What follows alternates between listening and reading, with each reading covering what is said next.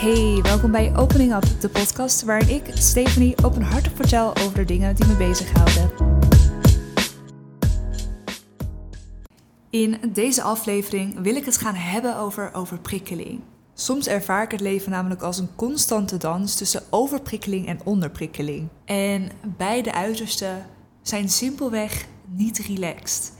Het liefst bevind je je natuurlijk ergens in het midden en ben je continu in balans. Maar dat heeft soms wat werk nodig.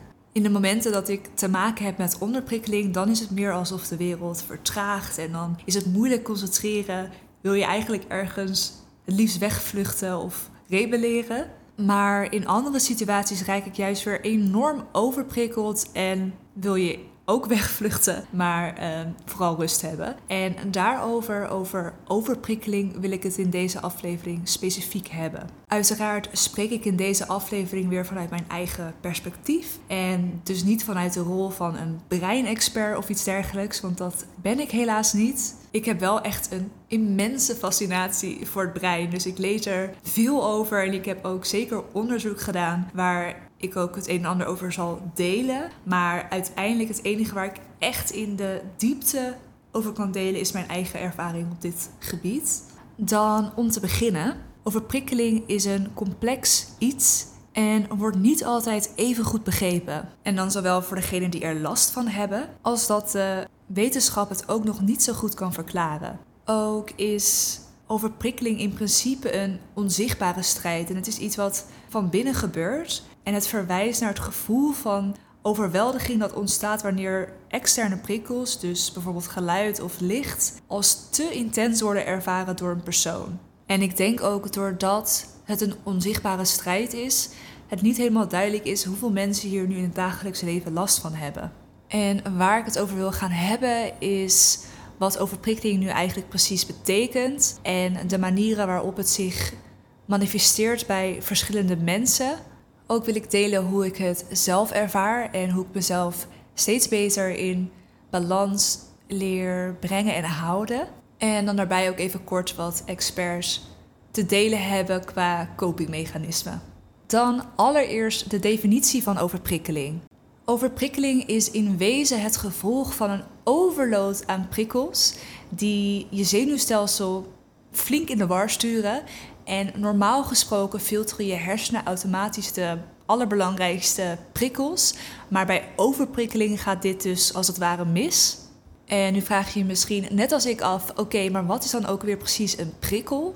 En om het mezelf even makkelijk te maken, lees ik daarvoor de Wikipedia-omschrijving voor. Een stimulus of een prikkel is een verandering in de uitwendige of inwendige omgeving waarop een organisme reageert via een respons. Organismen bezitten speciale organen die gevoelig zijn voor prikkels, de zintuigen. Mm, onze zintuigen zijn voornamelijk de ontvangers van prikkels dus.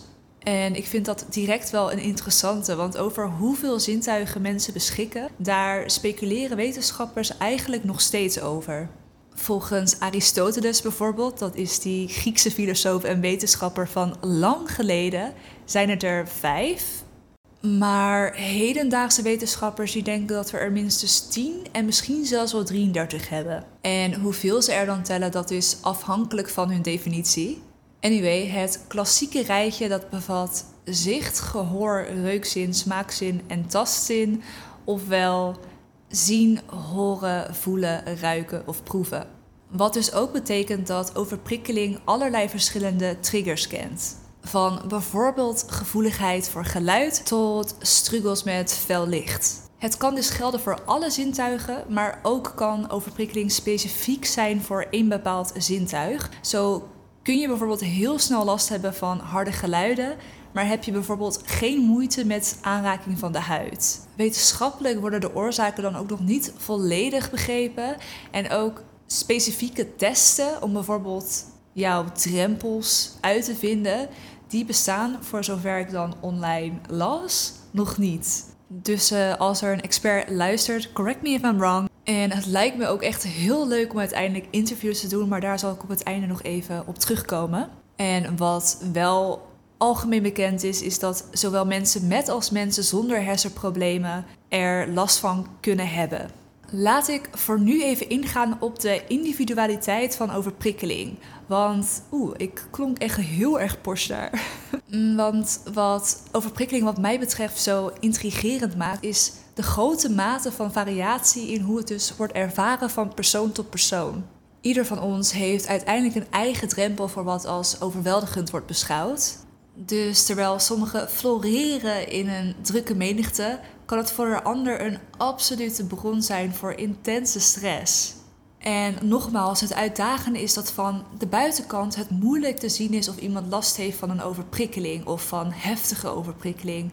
En niet iedereen begrijpt dat de situatie die dus normaal is voor de een, onleefbaar kan zijn voor iemand met overprikkeling of die last heeft van overprikkeling. Overprikkeling is natuurlijk niet iets wat je bent. Het is meer uh, iets waar je last van hebt en een staat van zijn. Maar daarom is het ook belangrijk om overprikkeling niet als een uniform concept te zien. En het is echt een individuele ervaring. Oké, we hebben de definitie van overprikkeling besproken en gekeken naar de individualiteit ervan. Dan wat ik vanuit online stukken begrijp is dat je in principe drie soorten overprikkeling kunt onderscheiden. Namelijk zintuigelijke overprikkeling, emotionele overprikkeling en cognitieve overprikkeling. Nou ja, de namen die zeggen het eigenlijk al, maar bij zintuigelijke overprikkeling wordt de informatie die via de zintuigen binnenkomt niet of slecht verwerkt. En als je emotionele overprikkeling ervaart, dan heb je moeite om je emoties te reguleren. En hierdoor word je sneller emotioneel of komen emoties harder binnen. En dit kan er bijvoorbeeld toe leiden dat je overvallen wordt door intense helbuien. En dan is er nog cognitieve overprikkeling en dat speelt op het gebied van leren en denken. En je brein kan dan alles wat er binnenkomt eigenlijk niet goed verwerken, waardoor het heel vermoeiend is om je eigen gedachten te managen of om dingen te onthouden of om het verwachte tempo te volgen of om überhaupt naar iemand te luisteren. En waarom de een nu sneller overprikkeld raakt dan de ander, dat kan ook weer verschillende oorzaken hebben. Dus laten we daar ook even induiken. Wat ik uit verschillende stukken begrijp, is dat je de triggers over het algemeen ook weer kunt opsplitsen in drie categorieën. Namelijk biologische aspecten, omgevingsfactoren en psychologische factoren. Een van de belangrijkste biologische verklaringen is sensorische overgevoeligheid. En dit houdt dus in dat zintuigen zoals gehoor, zicht en geur sterker reageren op prikkels dan normaal. En normaal moet je hierbij zien als simpelweg wat geldt voor de meerderheid. Maar ook neurologische factoren spelen een rol aangezien de manier waarop het zenuwstelsel informatie verwerkt weer invloed kan hebben op je gevoeligheid voor prikkels. Zo kan het bijvoorbeeld zijn dat je brein de prikkels die je binnenkrijgt minder goed filtert, waardoor je dus te veel prikkels binnenkrijgt. En wanneer je zenuwstelsel sowieso al wat overbelast is, dan verlies je die filter nog wat sterker. De Hersenstichting heeft op hun website het ook over dysfunctioneel aandachtsfilter. En ze omschrijven dat normaal gesproken je brein belangrijke informatie filtert. Maar bij overprikkeling dan kunnen hoofd- en bijzaken door elkaar gaan lopen. En hierdoor kun je te veel prikkels binnenkrijgen of je ontvangt alle prikkels op hetzelfde niveau, dus dezelfde intensiteit. Dus ook prikkels die niet belangrijk zijn, die ontvang je op die manier. Dan de omgevingsfactoren, want ook die kunnen bijdragen aan overprikkeling. Geluidsniveaus, fel licht, sociale interacties, ze kunnen allemaal een impact hebben. En wanneer er veel gaande is, kan dat dus ook leiden tot een overmatige stimulatie van de zintuigen, wat natuurlijk weer resulteert in overprikkeling. Prikkel, prik, prik, prikkel, prikkel, prik. Dit is hoe het nu uh, ongeveer in mijn hoofd klinkt. Oké, Steve, focus. Mm, wanneer je dus eenmaal overprikkeld bent, dan kan ook nog eens je drempelwaarde gaan veranderen, waardoor je bijvoorbeeld geluiden harder hoort dan ze werkelijk zijn, of het licht gaat veel intenser lijken dan voorheen. En dan naast biologische aspecten en omgevingsfactoren spelen ook psychologische factoren een rol in oorzaken en gevoeligheid. je emoties en je algemene mentale toestand, zeg maar, die zullen ook de mate van overprikkeling beïnvloeden. Want als je al veel stress, angst of overweldigende emoties ervaart, dan is je drempelwaarde even goed wat lager.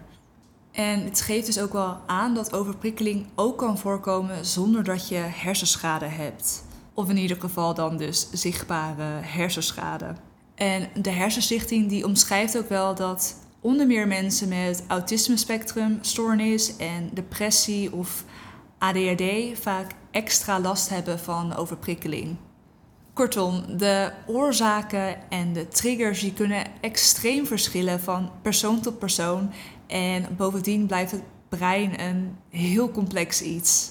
En naast die diversiteit in oorzaken en triggers verschilt ook de impact van persoon tot persoon. Het geeft bij de een bijvoorbeeld een druk en vermoeiend gevoel of concentratieproblemen, hoofdpijn, terwijl bij de ander kan het echt leiden tot een zeer ernstige beperking.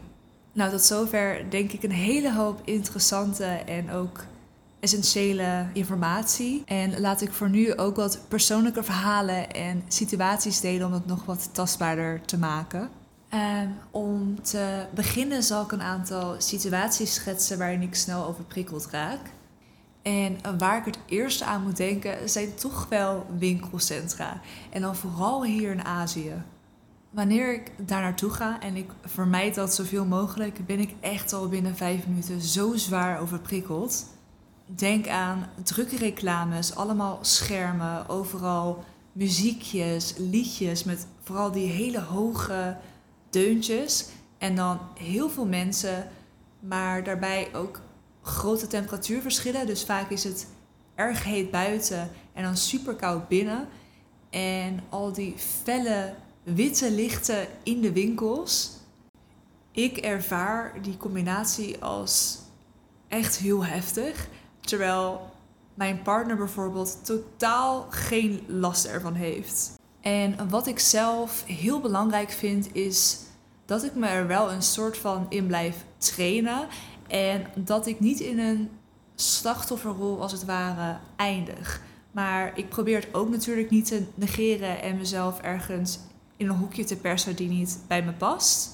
En hoe dat er dus uitziet dat als ik iets nodig heb uit een winkelcentrum, dan ga ik alsnog daar naartoe, maar dan bereid ik me er wel goed op voor. Zo zorg ik er bijvoorbeeld voor dat ik goed heb gegeten en dat ik altijd een fles water bij me heb. Of zo niet, dan is dat het allereerste wat ik haal. Ook neem ik altijd mijn noise cancelling headphones mee. En als ik met iemand anders ga, dan bereid ik diegene erop voor dat de kans vrij groot is dat ik na een uur mijn max heb bereikt en dat ik dan zelf naar huis ga en dan uh, kan diegene zelf kijken wat hij doet.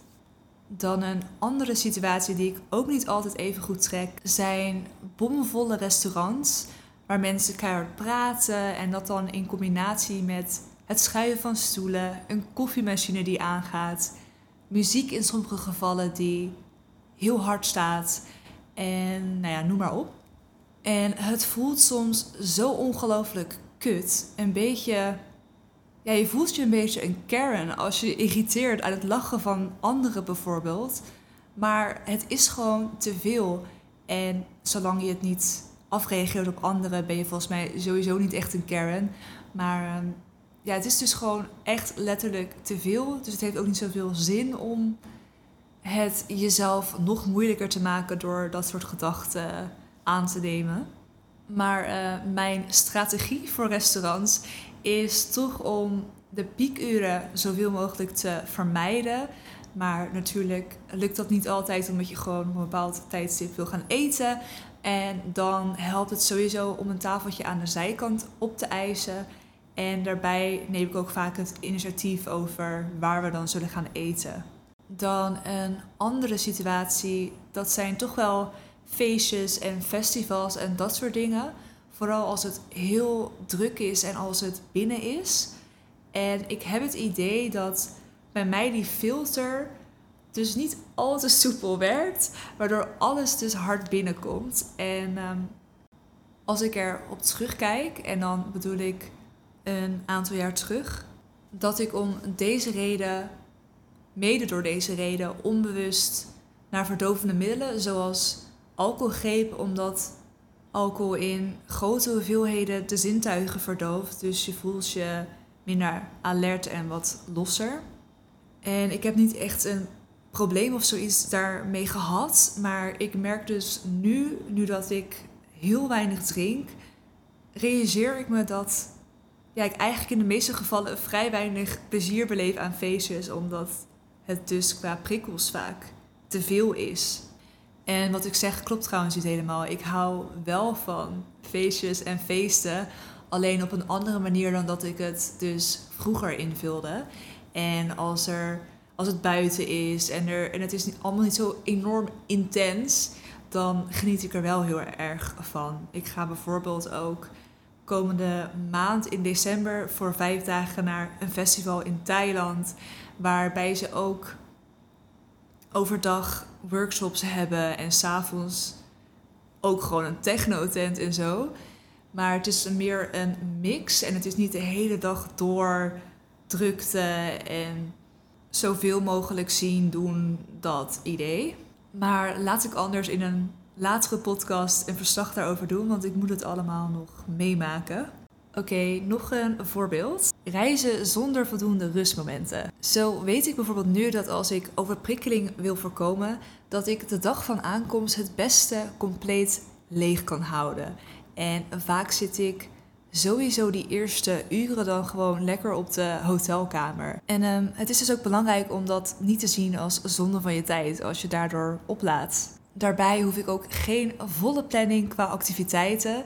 En als ik met vrienden of vriendinnen reis, dan zorg ik altijd wel voor een paar uurtjes alleen.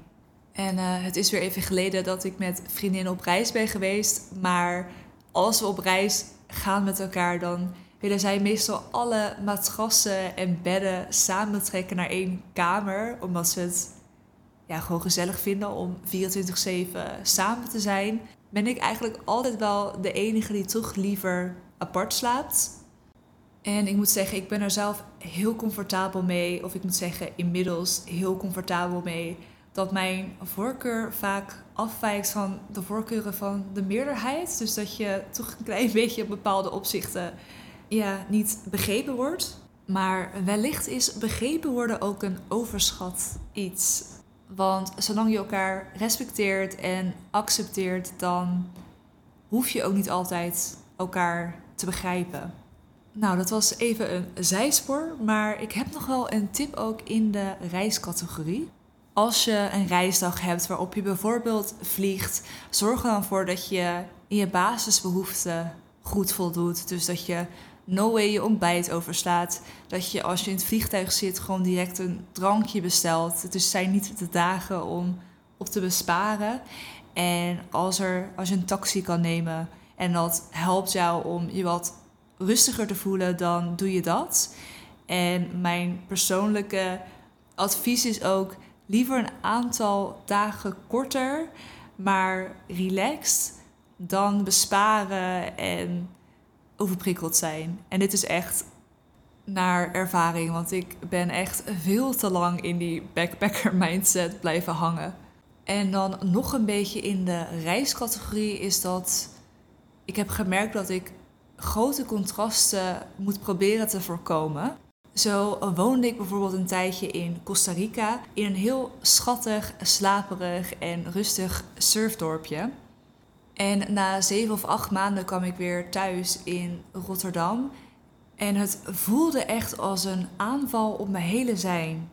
En ik had daarvoor nog nooit eerder opgemerkt hoe intens eigenlijk die doorlopende prikkels zijn in de stad.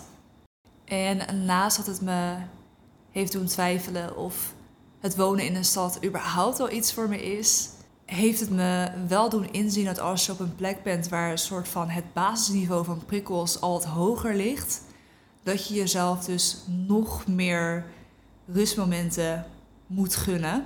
Dan nog even twee andere korte voorbeelden. En de eerste is dat ik echt heel slecht ga op TL-lichten. Ik heb wel eens een sollicitatiegesprek gehad waarbij we in een kamer zaten met alleen TL-lampen en ik kon me echt niet concentreren op de vragen. Dat licht komt dan zo fel binnen. Ik kan het niet eens uitleggen.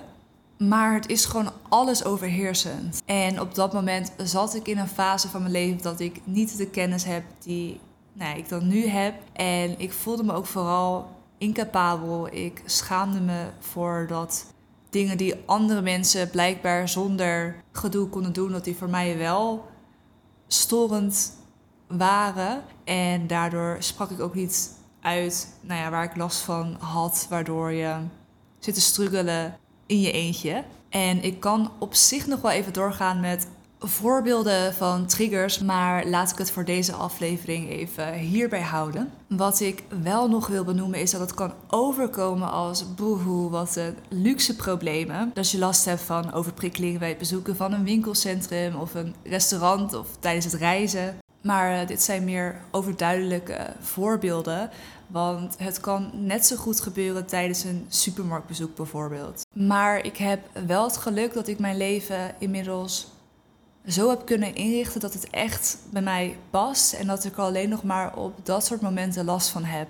En ik denk dat enkele voorbeelden ook herkenbaar zijn voor niet-HSP'ers of niet-ADHD'ers.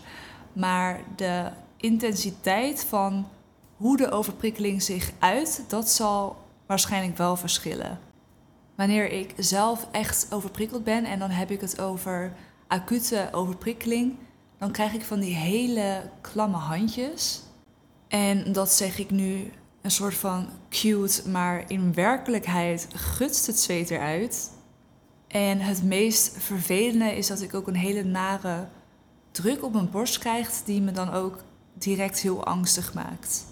Ik heb zelf een familie aan mijn vaderskant waarin vele hartproblemen hebben en ook daaraan overleden zijn. En dat speelt op dat soort momenten dan in mijn achterhoofd, waardoor ik dan weer stress van de stress krijg. En ja, ik krijg dan van die gedachten als volgens mij ga ik neervallen, flauw vallen, bla bla bla bla bla. Het begint dus als het ware bij overprikkeling, maar het eindigt in een paniekaanval. En als het een wat meer lichte overprikkeling is, dan, en dat zullen de meesten wel herkennen, dan, ja, dan ben je gewoon moe, een beetje gefrustreerd, een beetje bitchy, dat.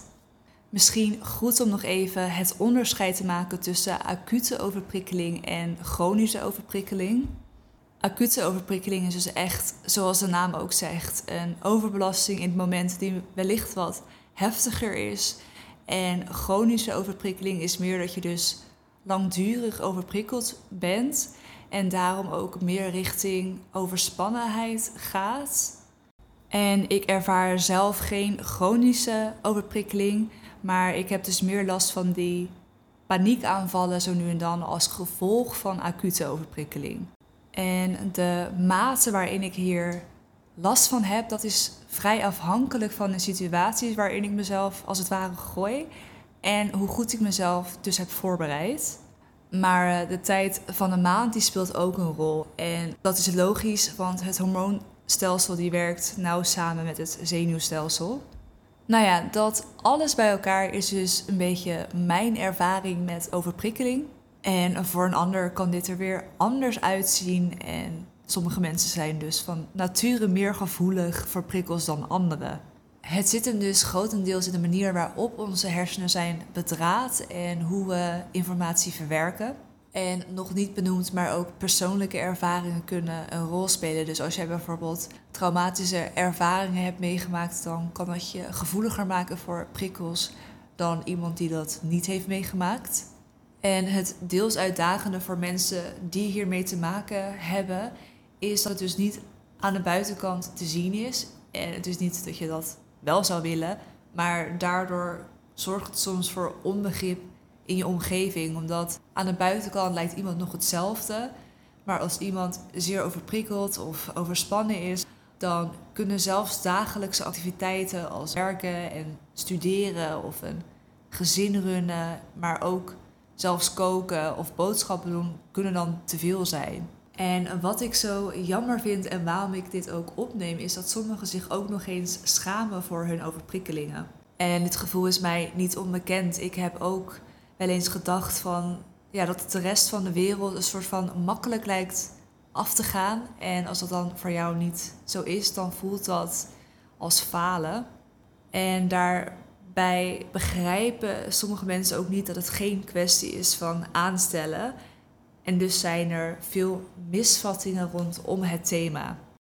En ik ben in mijn jeugd ook wel aangezien voor lui en een aansteller als ik overprikkeld was en moe was. En dit is verder helemaal geen sneer, want ja, je doet met de kennis die je hebt. Maar voor jou, als je dit herkent en dit dus hebt geïnternaliseerd, weet dat er niks mis met je is. En daarbij is schaamte echt, echt onnodig. Het is dan naar mijn mening ook belangrijk dat we als samenleving beter begrip tonen voor overprikkeling en dat we afstappen van vooroordelen. Want overprikkeling kan echt veel meer zijn dan alleen een ongemakkelijke ervaring. En als je herhaaldelijk wordt blootgesteld aan overprikkelende situaties en jezelf daarin ook geen leiding pakt, dan kan dit werkelijk een tol eisen op je mentale gezondheid. Zo kan het leiden tot concentratieproblemen, stemmingswisselingen, maar ook angst en depressie. Bovendien kan het sociale relaties beïnvloeden, want wanneer mensen zich gaan terugtrekken om de prikkels te voorkomen, dan kan dat leiden tot isolatie en gevoelens van eenzaamheid. Dus begrijpen hoe overprikkeling een soort van een visieuze cirkel kan veroorzaken, benadrukt wel echt het belang om naar je lichaam te luisteren en op tijd in te grijpen. Daarom wil ik nu als laatste onderdeel van deze aflevering overgaan in hulptechnieken en copingmechanismen. En ik zal eerst even wat manieren delen die mij persoonlijk helpen in situaties van acute overprikkeling. Allereerst is toch wel echt het bespreekbaar maken. Aangezien andere mensen niet kunnen zien of je overprikkeld bent, is het belangrijk om het te delen. En mensen die je niet serieus nemen of er flauw over doen, leg het één keer uit. Maar als ze dan nog niet begrijpen, schrap ze alsjeblieft uit je leven. Omring je met mensen die je proberen te begrijpen in ieder geval en die energie geven. Daarbij helpt het mij ook echt om niet al te veel cafeïne in te nemen. En ik houd echt van koffie, dus ik vind die nog wel lastig. Maar zodra ik meer dan twee sterke koffies drink, dan verlaagt voor mijn gevoel mijn drempelwaarde voor prikkels enorm. En verder bewegen is natuurlijk altijd belangrijk. Het enige waar je op moet letten dat als je dus voelt dat je gespannen bent, dat je dan beter geen fitness doet of andere zeer intensieve sporten, omdat dat je cortisol, je stresshormoon, nog meer verhoogt. En in plaats daarvan kun je in dat soort periodes beter een sport doen als yoga of gewoon uh, wandelen. Verder vind ik de zes ademhalingen per minuut ook een goede methode. Wat neerkomt op 10 seconden voor een in- en uitadem. En dit tempo zou volgens onderzoek het meest effectief zijn voor het kalmeren van je zenuwstelsel. Verder helpt het mij ook altijd om even bewust te worden van wat mijn lichaamshouding is en mijn gezicht weer te ontspannen.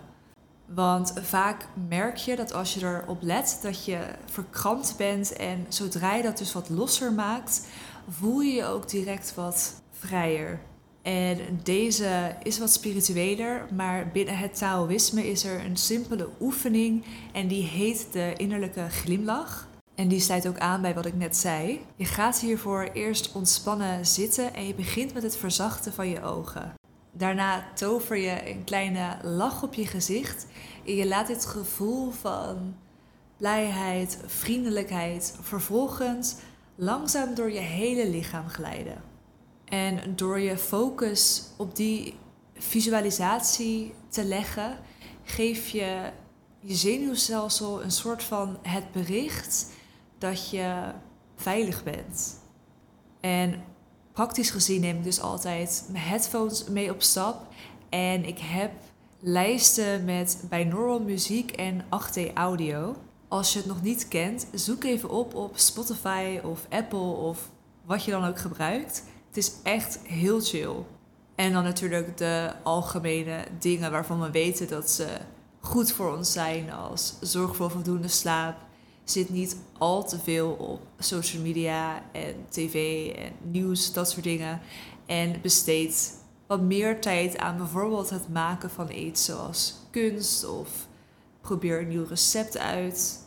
Maar als je dus echt langdurig overspannen voelt of je verdenkt van jezelf dat je overspannen bent, zoek dan zeker professionele hulp. Soms is hulp van buitenaf nodig en het is heel fijn om, ja, als er iemand is die met je meedenkt en die je ook wat meer kan vertellen over die breinprocessen, lichamelijke processen, zodat je het op verschillende levels beter begrijpt. Ik bedoel, ik heb een poging gedaan hier en daar, maar dat was voornamelijk zelfstudie, dus daar kwam best ook wel een foutje bij zitten. Dus onderzoek het vooral ook voor jezelf. En net zoals met vrijwel alles is het ook een proces van trial and error om te ontdekken wat het beste voor jou werkt. Ik hoop in ieder geval dat deze aflevering wat bijdraagt aan bewustwording, zodat overprikkeling nog meer uit de schaduw kan worden getrokken. Het vergroten van bewustwording is altijd de allereerste stap naar begrip. En deels door persoonlijke verhalen te delen, door informatie te verspreiden en mensen bewust te maken van de diverse manieren waarop overprikkeling zich manifesteert, kunnen we dus meer begrip creëren. Oké, dit was hem weer. Ik heb op een of andere manier in de afgelopen 30 minuten een verkoudheid ontwikkeld en mijn neus zit opeens helemaal vol. Informatie waar je in principe helemaal niks aan hebt, maar misschien hoor je het. Mocht je nu iemand kennen waarvoor dit waardevol kan zijn, omdat diegene zich wellicht wat alleen voelt in zijn of haar ervaring, deel dan vooral deze podcast en aflevering. Ook lijkt het me heel leuk om een keer een interview te doen met iemand die echt veel kennis heeft van het brein bijvoorbeeld. En mijn DM staat ook altijd open voor mensen die interessante verhalen te vertellen hebben op het gebied van creativiteit, spiritualiteit of sensualiteit en daar een keer over willen praten. En dan wens ik je voor nu nog een hele fijne ochtend, middag of avond.